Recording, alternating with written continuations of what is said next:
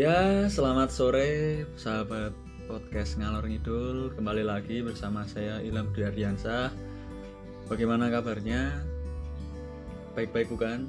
Nah, di akhir-akhir ini kita sering uh, dihadapkan oleh pengepit nah atau bisa dibilang pesepeda yang sekarang ini baru booming baru booming di khususnya ya di Yogyakarta ya karena waktu saya iseng-iseng kan muter-muter ke mana gitu melihat banyak orang yang berbondong-bondong untuk ya waktu itu membeli sepeda. Terus juga ini baru rame tentang Car Free Day ya dan itu juga sebenarnya positif kegiatannya tapi di sisi lain malah gimana ya sebuah uh, tren yang berkembang di masyarakat yang sebenarnya itu bukan bukan apa ya bukan hal yang baru tapi karena banyak sekarang yang melaksanakan itu terus banyak story-story di media sosial dan menyebabkan malah harusnya new normal dan atau mungkin yang sekarang kita masih uh, khawatir tentang kondisi covid yang selalu meningkat ini malah di dihadapkan oleh situasi yang orang-orang banyak berkumpul di sana dan malah bisa mengibatkan ini semakin parah, parah dan semakin parah lagi. Semoga tidak terjadi untuk di uh, Indonesia pada umumnya dan Yogyakarta di tempat saya tinggal ini. Tapi saya juga nggak akan membahas lebih dalam mengenai si pengepit atau car free day tadi ya. Kali ini saya kembali lagi dengan teman saya, teman karib bisa dibilang di akhir-akhir semester karena memang mungkin laba nggak terlalu dekat ya hubungannya sekarang uh, saya baru bersama dengan pemilik owner Deniawan Seller. Selamat sore. Monggo perkenalan diri. Selamat sore Mas ya. Oke. okay. Selamat sore. Okay. Kesempatannya untuk kedua kalinya dalam waktu ini. Oke. Okay. Saya diundang lagi untuk membahas tema yang berbeda. Tema yang berbeda. Oke. Okay. Mungkin tadi membahas tentang CFD, mungkin ini Ya, lihat saja di judul lah. Ya. Nanti bukan. silakan didengarkan sampai selesai. Bukan topiknya sebenarnya, bukan. tapi itu sebagai awalan aja. Awalan Kita aja. membahas hal-hal yang hangat, hangat. yang ingsu. Oke. Okay. Tapi sekarang ini menarik. Uh, kan kemarin kita membahas kemarinnya kita membahas tentang uh, tips and trick untuk stabilitas mood lah ya. Betul. Uh, tiga bulan selesai skripsi kan itu udah hal yang luar biasa. Yang biasanya Kak Den ini sering hmm, bilang ya, biasa, luar biasa. Biasanya di luar, sekarang luar biasa. Boleh masuk. Kita udah seframe sekarang kan ya. Tapi di sini sebenarnya banyak hal yang harus dikulik ya dari Bung Den ini karena memang orang yang paling sip ya di manajemen hutan. Seperti Sigi Saga. Wah. atau manajemen hubla oke ini karena kan kalau lulus cepat kan biasa ya. Emang lulus cepat kan memang hal yang suatu, suatu hal yang biasa. Yes. tapi di sini bukan sekedar lulus cepat sih kalau saya uh, saya lihat. Karena untuk kegiatan di luar kampus atau di luar akademik pun juga Bung Den ini sangat sip. Atau sangat syahdu. Ya, ya, iya kan? Iya syahdu Ardiansyah. Eh. Kita bisa banyak lah ya kegiatan kampus atau di non akademik itu seperti organisasi terus juga mungkin pernah duta wisata terus magang juga. Oh ini istimewa sekali. Terus juga uh, wirausaha dan cepat lulus. Wah ini kalau bisa bisa bilang itu bebet bobotnya udah wah sangat luar biasa. bebet. Bebet silalahi bebet. Bebet. Oke sekarang monggo Kak Deni jadi kegiatan apa aja sih yang waktu di semasa kuliah nih ya? 4 tahun atau tiga tahun 10 bulan lah ya? Karena kan pendadarannya kemarin di tempat 10 bulan. Betul, ini apa saja? Monggo Bung Dani hmm, ya, ya jadi selama kuliah beberapa kegiatan saya ikuti ya. Terutama hmm. kayak organisasi pada umumnya UKM oh UKM pernah juga? Pernah oh. saya pernah UKM di Sigma ya sisi Mingga Jamada renang renang renang renang kemudian di Kama Band. Mm -hmm. ke Jamada Band. Itu yang seleksinya kayak Indonesia Idol kata Cemet. Oh. Ayo, kata acara semet itu. Cemet Karena- siapa? teman kita Oh. teman teman akrab kita. Oke, oke. silakan dicari sendiri. Siap. ya karena ya gitu terus karena memang permintaannya banyak pada tahun pada saat tahun lalu itu. Terus kemudian saya juga berorganisasi pernah di paguyuban duta wisata Kabupaten Pemalang atau Pak Dalang Pak Dalang. Pak Dalang betul Pernah duta Nah, wisata ya juga. yang belas saya di situ menjabat sebagai wakil ketua Wah, atau ketua satu ya ketua satu Wah, membawahi satu kabupaten uh, untuk kap, uh, paguyuban duta wisata entah Hmm. yang senior atau junior saya Oke oke. Heeh. Hmm, terus saya juga pernah um, ya berorganisasi juga di Hmm. Ormada juga sempat sempat berkecimpung di Ormada Terus? kemudian saya juga pernah uh, untuk event-event kampus seperti menjadi panitia PPSMB Kofas waktu itu. uh, menjadi kopas betul Pasangannya siapa dulu tuh?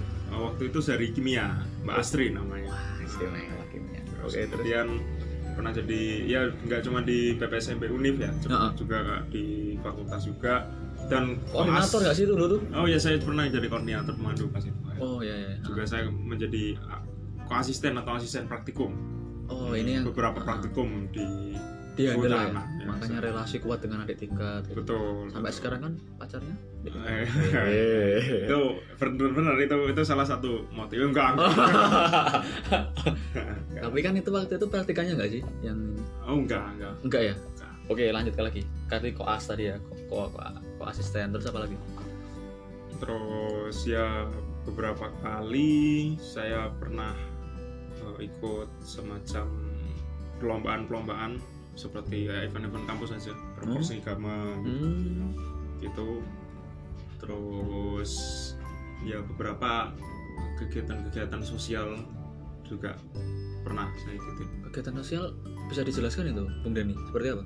Ya kegiatan sosial seperti ke panti-panti asuhan seperti itu Oh, ini sering dilakukan waktu oh, itu. enggak enggak itu hanya sekelompok eh, kepedulian kita saja Oh, sekelompok Oh, sekelompok kepedulian. kepedulian mahasiswa ya kan Eh, ini campur-campur Campur-campur. Berarti inisiatif lah banyak komunitas, eh banyak orang lah di sana. oh ya orang Oke. nggak cuma dari kampus gitu Masuk. sama Hmm.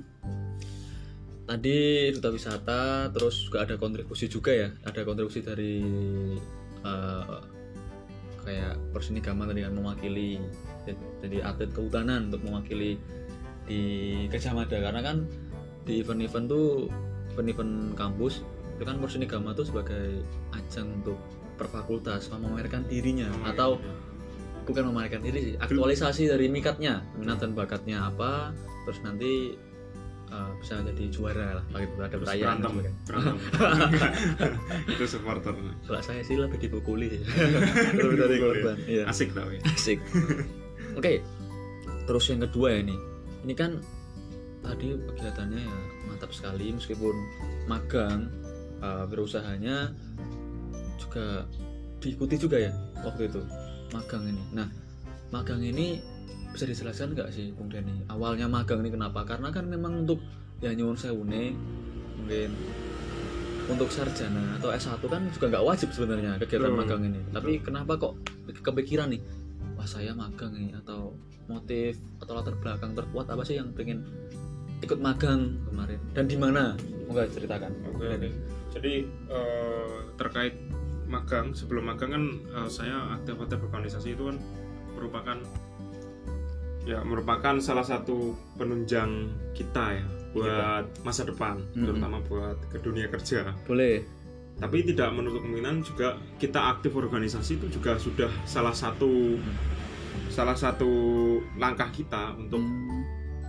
agar kita menjadi pantas, ya kan? oh, ya. siap berbobot untuk ya memiliki bobot bobot berat badan enggak ya itu itu juga bobot ya tapi ini bobot kapasitas ya. kapasitas betul sekali Hmm. capability capability Ya. oke Oke, capability diri untuk siap di dunia kerja gitu kan untuk membekali bahwa kita bisa ini bisa itu gitu kan Oke.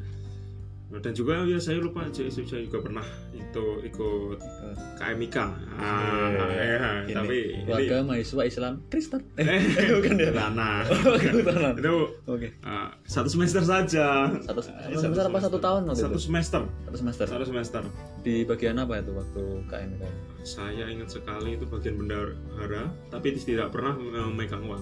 Bendahara? Ah, tidak, tidak pernah memegang uang tapi selalu memberikan uang akhir-akhir ini aja tapi. Infak. Oh betul Oh, itu betul. iya betul, betul. Oke. jadi ya magang itu sangat penting sih menurut saya memang. Mm-mm. jadi mm, terus apa itu? Kan ini memang kita kembali lagi ya kan emang nggak nggak nggak wajib ya kan? Sunnah ya. Mm, terus itu kan juga kayak menghambat gak sih kayak menghambat studio. Oh ini ini nggak wajib. Tetapi kok malah tadi Bung Denny bisa memilih. Sebenarnya motif terkuat selain eh tadi udah, udah disebutin ya untuk menambah kapasitas tadi ya? Betul. Nah, ini apa sih yang didapatkan waktu di magang tadi? Di HTI atau HPH terus lokasinya di mana? Mau dijelaskan betul betul. Jadi jadi kalau misal terkait magang dulu ya. Magang Mhm. itu eh, untuk teman-teman agar tahu suatu ketika kita beranjak ke dunia pekerjaan itu kita pasti akan ditanya pengalaman kita nah Hmm. yang paling penting itu salah satunya magang ini paling menunjang Um, di fakultas memang Hmm. tidak wajib. Nah, inilah tantangan kita. Tidak wajib, tapi ternyata ini sangat penting di dunia pekerjaan nanti. Jadi sebisa mungkin teman-teman itu nanti bisa mencari link-link banyak sekali. Mm-mm. Jadi di- eh, singkat cerita saya magang itu dulu karena seminar, ada seminar, oh ada ada seminar dari HTI Hutan Tanaman Industri, Ah. salah satu di Kalimantan Barat. bukan Hizbut Tahrir kan benar Bukan. Oh, bukan. Namanya Mayangkara Tanaman Industri. Mayangkara oh MTI MTI. Oke, betul. iya, iya. Ya, itu salah satu induk dari perusahaan besar di Jepang yaitu eh, namanya apa ya? Saya lupa ya. oh itu hmm, kasih menu Jujutsu bukan bukan ya Oh, men, sambil jalan lah saya. Pokoknya itu produk eh, Jepang Heeh. itu itu salah, salah satu anak anak induknya. Jadi Hmm.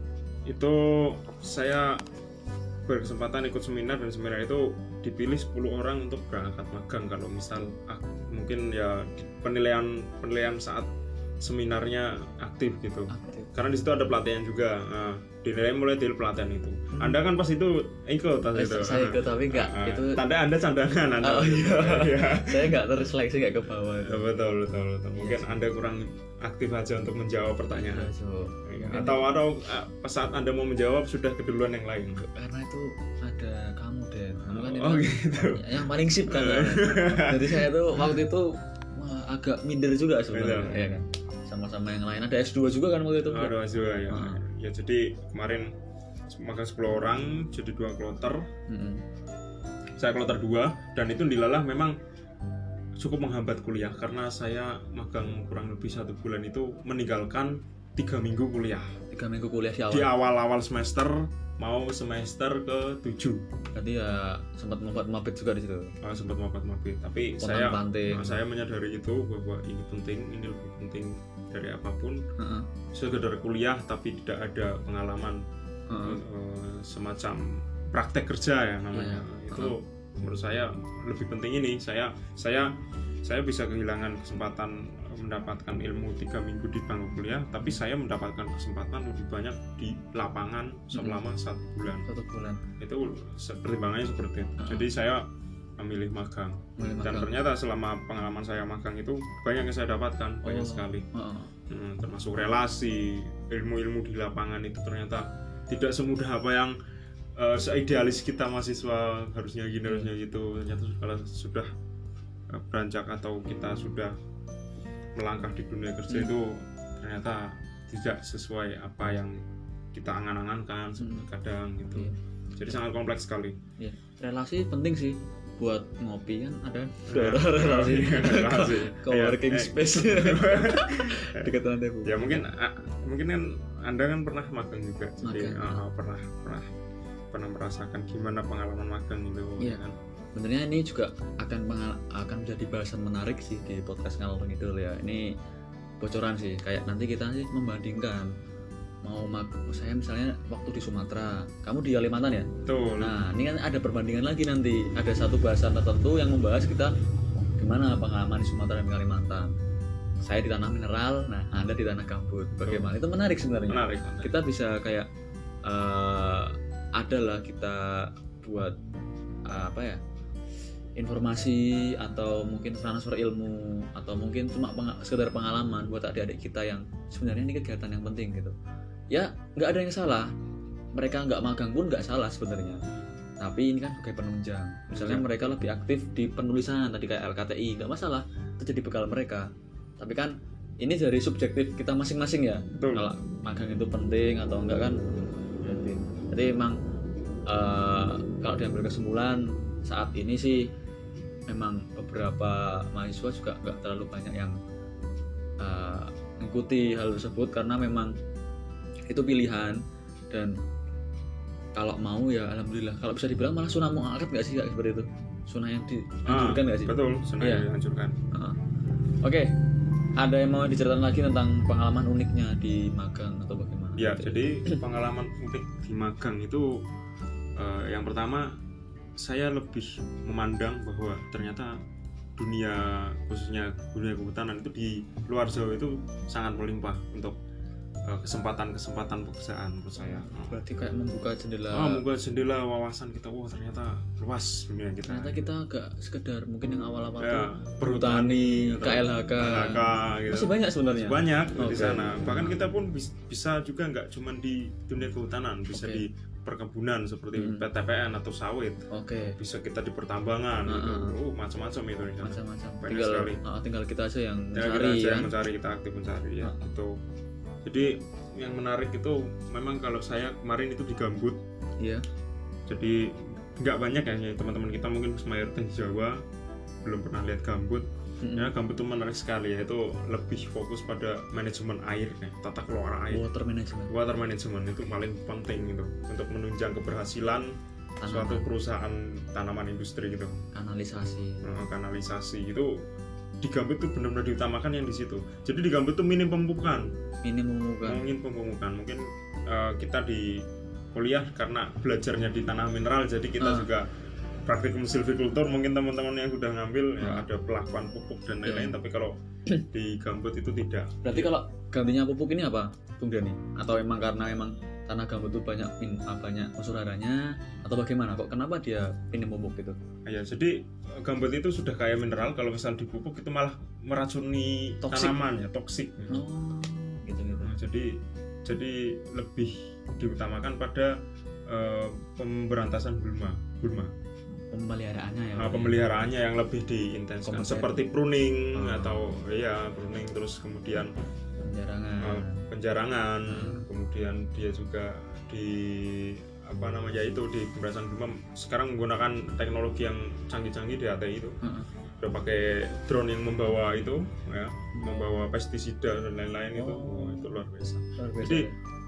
Eh, setelah di HTI saya juga melek teknologi kan. Saya di sana juga belajar pemetaan gitu Oh, kemudian saya di sana juga eh, belajar bagi apa ya perlakuan perlakuan untuk di sana kan ada hutan tan- hutan alam ya nggak Oh, cuma iya. hutan tanaman kan karena Hmm. memang di SK-nya Kemenhut kan harus berapa persen ada kawasan pelindungan gitu Ya. kan Nah, terus saya juga di sana menemukan eh, ilmu yang luar biasa dari mengelola hutan alam Mengelola gitu hutan menginventarisasinya juga dari perencanaan sampai pemanfaatan lah gitu oh, oke oke. saya juga bertemu dengan ya kembaran-kembaran anda tahu saya Pak. ya di sana kan Kalimantan jadi masih banyak orang hutan itu luar biasa Orang Kalimantan nggak ada ya? orang Kalimantan Ah, akhirnya orang udah Cantik-cantik. Cantik. cewek Cewek. Cewek. Jawa mah tinggal aja. Nah, jadi ya yang menarik juga itu terus yang paling saya garis bawahi selama magang adalah kebakaran yang sering terjadi adalah memang karena kultur masyarakat Dayak Oh. atau masyarakat lokal heeh. mohon maaf tapi memang ini realita karena di sana masih sistem pertaniannya yaitu ladang berpindah ketika eh, ladang itu sudah tidak produktif Mm-mm. maka akan ditinggal Mm-mm. kemudian akan membuka lahan lagi di lain area Oke. dan dibakar dulu Oh, dan dibakarnya biasanya di dekat-dekat areal konsesi HTI oke. Oke, Mas Yoni. Tadi emang batasannya kan tadi biar kayak penasaran kan. Pena- Hmm. Penasaran itu nanti bahannya disimpan dulu Hmm. untuk podcast yang membandingkan nih nanti. Sip. Yang mineral dan Mm. eh, gambut ya Ya, kan. ini abstraknya Tadi abstraknya. abstraknya saja Iya, tadi penasaran nggak tadi kayak misalnya ternyata kasus-kasus kebakaran tuh memang ada yang dari perusahaannya sendiri, juga ada dari perilaku dari masyarakat sekitar karena memang pengelolaan hutan tuh juga harus mengelola yang sosialnya tadi masyarakat yang eh, masyarakat-masyarakat yang ada di sekitarnya. Oke, sampai situ dulu. Terus nyambung lagi ya tadi tentang magang, menarik sekali pengalamannya magang. Terus eh, ah ini sempat menyangka nggak sih bisa mencapai uh, menggapai pencapaian saat ini atau emang udah target dari awal. Misalnya tadi ya kayak magang. Emang ditargetin dari awal. Dari dari awal semester udah. Pokoknya aku magang terus aku juga wirausaha terus aku ikut tiga maben terus apa lagi.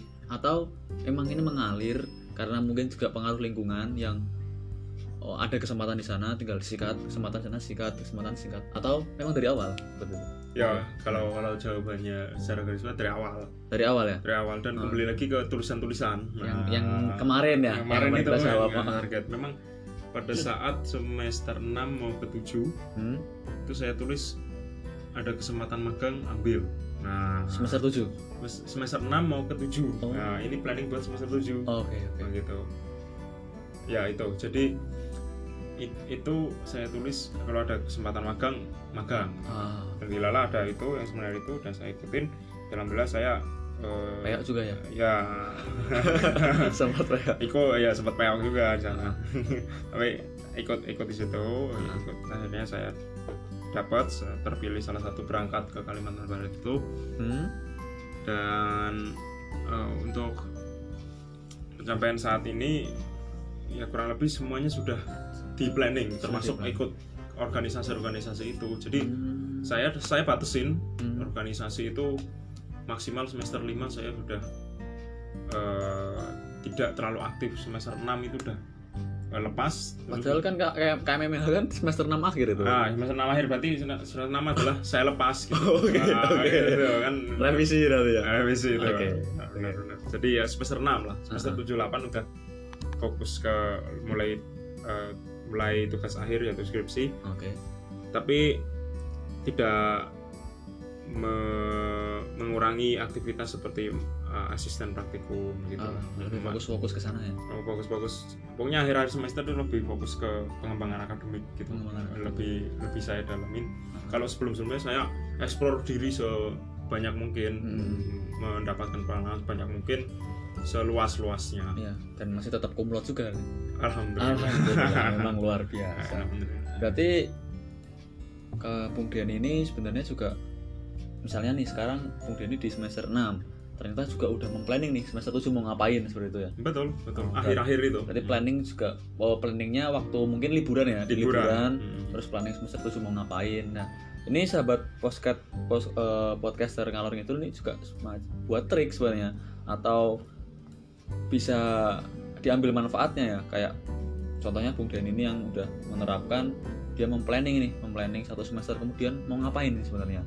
Kan kita biasanya satu bulan mau ngapain atau apa ini udah enam bulan. Jadi udah visioner sekali sebenarnya. Dan alhamdulillah tadi katanya Bung Denny udah udah semua nih udah semua tercapai gara-gara tadi planning dari awal.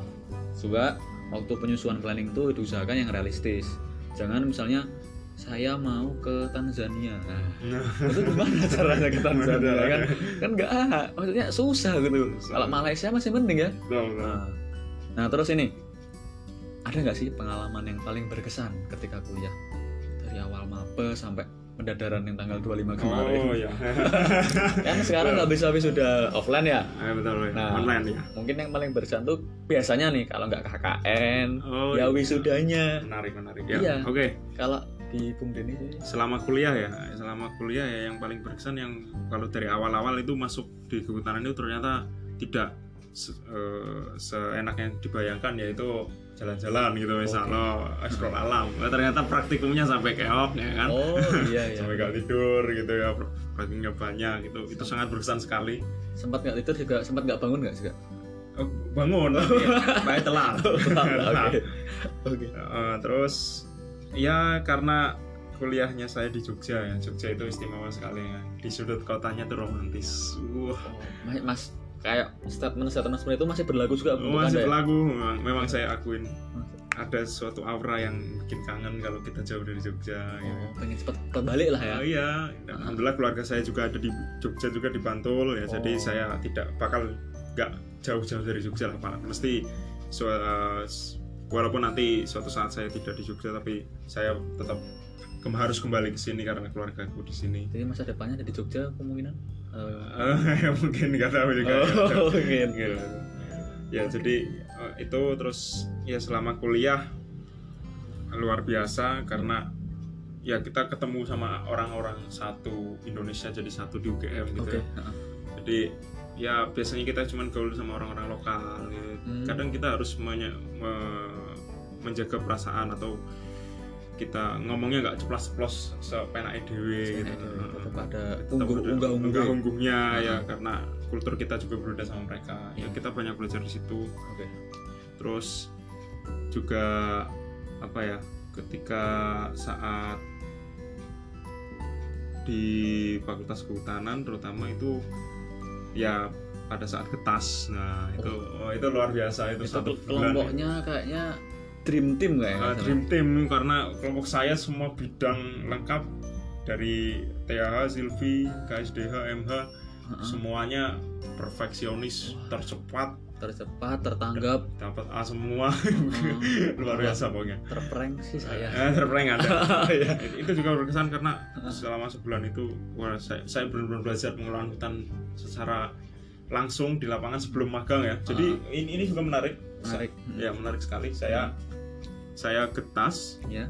kita selesai let dua minggu seminggu saya berangkat magang Oh, Wah, istimewa iya jadi saya lapangan terus itu saya saya benar-benar mengasah lapangan semester 6 ke semester 7 itu Oh, terus semester tujuhnya ada tasem juga. oh kan? ada casem juga itu yang iya. katanya wah, itu menghambat skripsi dan lain-lain karena ya timelinenya nggak bisa berangkat KKN di semester 7 gitu Pacar kacer juga Iya, ya. tapi sudah diusahakan sama teman-teman KMMH 2018 itu. Akhirnya casemnya bisa digabung sama KKN kemarin. Itu juga berkesan sekali Oh, karena iya, iya. kedua kalinya berhasil melobi seperti itu. Karena sebelum sebelumnya tidak ACC sama departemen. Mm-mm. Kalau nggak ACC kemudian Sa- mungkin paling cepat empat setengah tahun nggak sih? Oh, iya. Akhirnya, oh, iya saya KKN-nya bisa-bisa semester 8 kan? Dan KKN online. KKN online. Nggak asing. Ya, Oke, jadi terakhir memang periode kita di kemarin ya. Memang sip ya. sip terus sebelum dari itu saya ya berkesan sekali karena kembali lagi ke background Jogja yang romantis saya dapat pacar juga ya Nggak jauh-jauh lah dari. Jadi- penelusupan. Ba- betul jadi Emang Pemalang nggak ada yang nice gitu? eh, Atau Tegal atau apa? eh, saya saya mencari kalau bisa yang keluar dari zona-zona singkui gue wae. Sing ngapak-ngapak ya? Kayak ngapak-ngapak Oh, gue. nah, ada yang kencat-kencat jangan. ya? Eh, jangan kencot-kencot. Oke. Eh, jadi ya alhamdulillah bisa terrealisasi romantisnya kan. Benar-benar atmosfernya saya rasakan Oh. gitu. Tapi ini tetap, tetap cewek kan ya objeknya bukan cowok kan? Maksudnya Eh, cewek. Atau tak kira saya sama masih normal lah. tak kira sama yang bangga. Cepet balik lah dia lah ya. Halo Robi. ah ini terus ada nggak?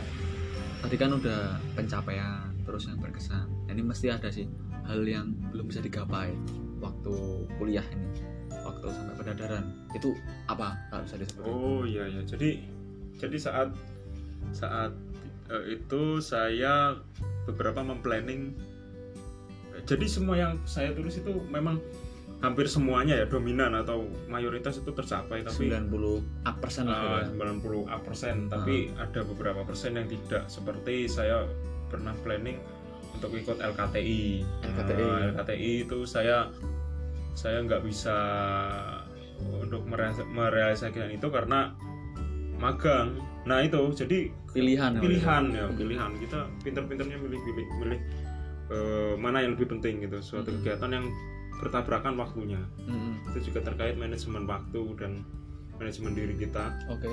gimana untuk bijak memilih kegiatan yang kira-kira lebih bermanfaat. Mm-mm. ya saya pertimbangan itu saya pilih magang pas itu. Kan untuk menunjang pekerjaan mungkin ya atau Hmm, kan kan misalnya ya. mau orientasinya untuk pengelolaan hutan kembali kan? Betul betul. Masih berhubungan? Belum sih belum Ah. saya kira saya kira magang lebih lebih banyak ilmu yang saya dapat daripada saya LKTI akhirnya saya putuskan untuk magang. Oke masuk. Selain Untuk itu? Magang. kemudian saya juga ini mungkin kesalahan saya mungkin teman-teman semuanya yang masih semester semester muda silahkan dimanfaatkan Ah. bahwa kesempatan beasiswa itu banyak sekali Mm-mm. kesempatan beasiswa di UGM mm, persyaratannya juga nggak susah-susah amat Mm. tapi saya memulai itu sejak semester 6 dan 7 itu sudah telat sekali Mm-mm. dan mungkin saya belum rezeki untuk mendapatkan beasiswa ya Hmm. sampai sekarang saya tidak pernah sama sekali Mm. dapat beasiswa itu. Itu yang disesali ya? Itu yang disesali Ah. itu. Sebenarnya kesempatannya bisa jadi maba saya bisa dapat itu tapi sayang sekali. Heeh. itu belum saya dapatkan. Sebelum mendapatkan ya Belum meskipun mendapatkan sepertinya banyak uh, kelebihan dan sebagainya ternyata juga ada sih kekurangannya tadi ya. Kayak betul. planning dari awal ternyata belum memplanning bahwa oh saya pengen dapat beasiswa saya pengen apa. Kan ini uh, mungkin juga tambahan ya tambahan buat teman-teman maba khususnya yang pengen nyari beasiswa. Oke ya benar tadi yang disampaikan Bung Denny bahwa banyak sekali info-info beasiswa yang ada di UGM ya khususnya. Apalagi kalau misalnya mau mencari yang tidak bekerja sama di UGM pun banyak. Jadi banyak sekali. jadi itu malah kekurangan kuota kekurangan kuota. Eh, sahabat-sahabat dulur-dulur semua. Jadi kalau bisa ya manfaatkan waktu sebaik mungkin ya. Untuk Misalnya ya seenggaknya eh, seenggaknya membantu kedua orang tua kan apalagi yang merantau merantau nih seperti Bung Dan ini ngekos nanti belum pengeluaran sehari-hari atau apanya itu bisa bisa membantu terus bisa meningkatkan eh, gairah pendidikannya atau Betul. mungkin untuk apresiasi dirinya setelah dia eh, melakukan perkuliahan atau enggak pun bisa ditabung sebenarnya ya kan? Betul. untuk apa pun itu untuk masa depan kalian untuk untuk sekedar pengen beli barang yang pengen banget untuk dibeli dan sebagainya. Oke mungkin itu dulu untuk Bung Denny di part ini. Nanti akan di part berikutnya karena memang eh, sepertinya waktu ini eh, terlalu panjang. Nanti dulur-dulur podcaster juga kayaknya jenuh kan mendengarkannya. Betul. akan dilanjutkan di part dengan di ep- masih episode yang sama. Oke itu tadi eh, menarik pembahasannya dari podcast kanal tidur bersama Bung Denny. Sekian dan salam beasiswa. Salam beasiswa